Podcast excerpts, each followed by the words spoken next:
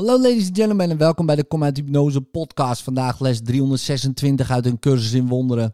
Ik ben voor eeuwig een gevolg van God.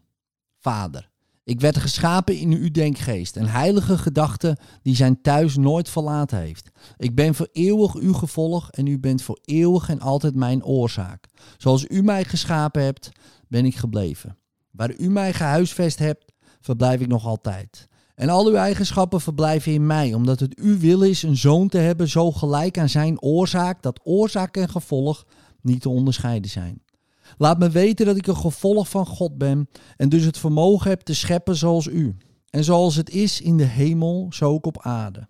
Uw plan volg ik hier en ik weet dat u tenslotte uw gevolgen samen zult brengen in de vredige hemel van uw liefde, waar de aarde zal verdwijnen en alle afgescheiden gedachten zich glorievol zullen verenigen als de Zoon van God.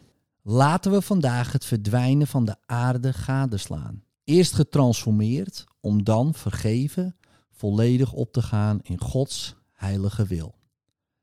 In liefde, tot morgen.